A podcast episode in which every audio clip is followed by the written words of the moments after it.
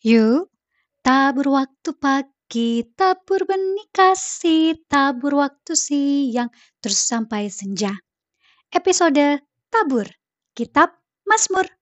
Mari bersama kita tabur semangat memuji dan mengenal Allah lewat Kitab Mazmur. Mari kita berdoa. Tuhan Yesus, pada hari yang indah ini kami hadir lagi untuk merenungkan Mazmur 11. Biarlah roh kudusmu membantu kami mengerti dan memahami dan nantinya dapat menerapkan dalam kehidupan kami hari lepas hari. Terpujilah Kristus. Amin. Mazmur 11. Tuhan tempat perlindungan. Mazmur Daud ini merupakan pergumulan.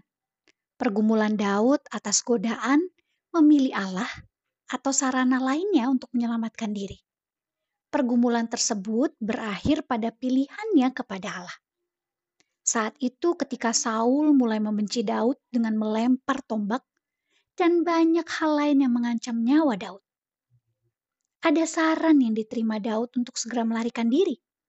Tetapi Daud lebih memilih tinggal sebab dia yakin Allah menjaganya. Dalam Mazmur ini terdapat teguran bagi saran-saran yang melanggar atau mencoba berkompromi dengan prinsip Alkitabiah, dan juga cara untuk menghadapi godaan tersebut. Dari pemahaman tentang latar belakang Mazmur ini, ada ajakan yang datang kepada kita bahwa ketika ada rasa takut, ada hinaan, ada ancaman, maka merenungkan Mazmur ini menjadi salah satu solusi untuk menemukan lagi pengharapan bersama Allah. Kali ini kita bahas tentang iman versus kebijaksanaan yuk. Yahud dan memang butuh hikmat banget nih ya. Jangan sampai seperti aksi nekat atau aksi tanpa dasar. Dalam pembacaan kita, ada saran yang diberikan kepada Daud untuk terbang ke gunung seperti burung.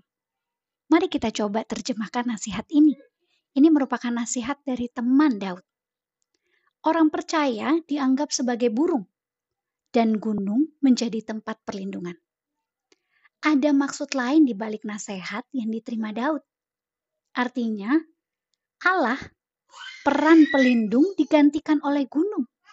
Dan kemampuan Tuhan untuk melindungi digantikan dengan kemampuan burung terbang. Lebih dalam lagi nasihat ini mau mengajak Daud untuk bersandar pada kemampuan diri sendiri, seperti kekuasaan, kekayaan, kepintaran yang kita punya. Keraguan pada Allah ditekankan pada dekatnya bahaya atau besarnya masalah yang sedang datang menghampiri. Ini merupakan prinsip yang salah. Pemasmur bisa tahu bahwa prinsip Allah yang benar dan prinsip yang diberikan ini tidak sesuai, ya karena pemasmur sering bergaul dengan Allah. Jadi kenal dengan aturannya Allah. Kita lihat yuk apa saja dasar atau prinsip Allah kita bisa lihat dan terjemahkan dari ayat 4 sampai 7. Allah ada dan berkuasa.